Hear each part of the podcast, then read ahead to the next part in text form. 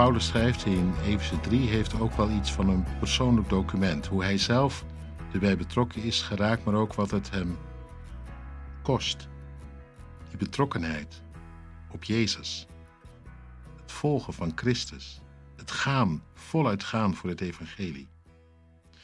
Hij schrijft er wat over in vers 12, wat we nu lezen. Door onze eenheid met Hem hebben wij vrijelijk toegang tot God. Door ons geloof in Hem mogen wij daarop vertrouwen. Ik vraag u dan ook de moed niet te verliezen, wanneer ik leid omwille van u, want het leidt tot uw luister. Aan de ene kant dus de geweldige zegen. We hebben allemaal, wie we ook zijn, waar we ook vandaan komen, Jood of Heiden, vrij de toegang tot God. En dat omdat God zelf de deur in Jezus heeft opengezet. Wij niet meer worden afgerekend op eigen tekort, op kwaad waarmee we zijn behept, maar er in de kruisiging van Jezus verzoening is gedaan. Zichtbaar geworden in een voorhangsel dat scheurde toen die dag.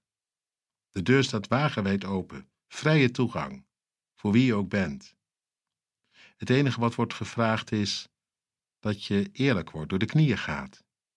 En niet langer gelooft in je eigen goede doen, maar in geloof je overgeeft. Daarbij zegt Paulus: Ja, ik heb ook te lijden. Het feit dat jullie nu delen in die liefde, dat heeft mij wel lijden gekost en het kost het me nog steeds. In het begin heeft hij het al over boeien. Hij zit intussen gevangen. En dat kan natuurlijk afschrikken. Dat volgen van Jezus ertoe kan leiden dat je er voor het oog aan verliest. Dat het, uh, het leven daardoor ingewikkeld kan worden. Dat je niet meer wordt geduld door de mensen om je heen. En Paulus heeft dat zelf ervaren. Zijn allerbeste vrienden, de Fariseeën, werden zijn felste uh, tegenstanders en grootste vijanden. Ze moesten niets meer van hem hebben.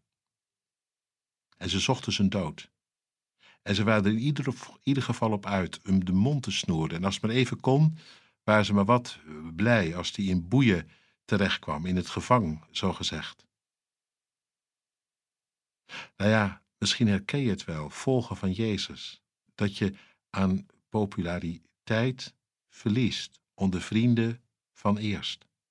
Dat ze niet meer volgen, niet meer begrijpen, dat ze het een beetje met je hebben gehad dat je tegenover elkaar komt te staan. Nee, dat hoef je niet te zoeken. Integendeel, maar het kan je wel overkomen. Ongezocht, als vanzelf. Het volgen van Jezus is in ieder geval niet één groot feest.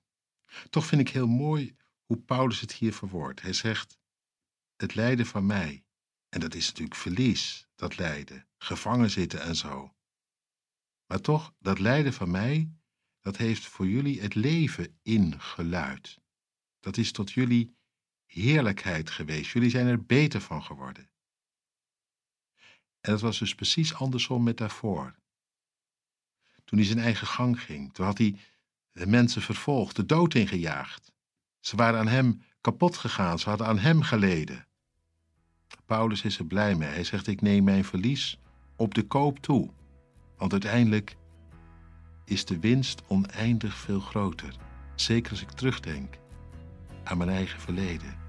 Toen ik het zelf gewonnen had en mensen intussen aan mij verloren.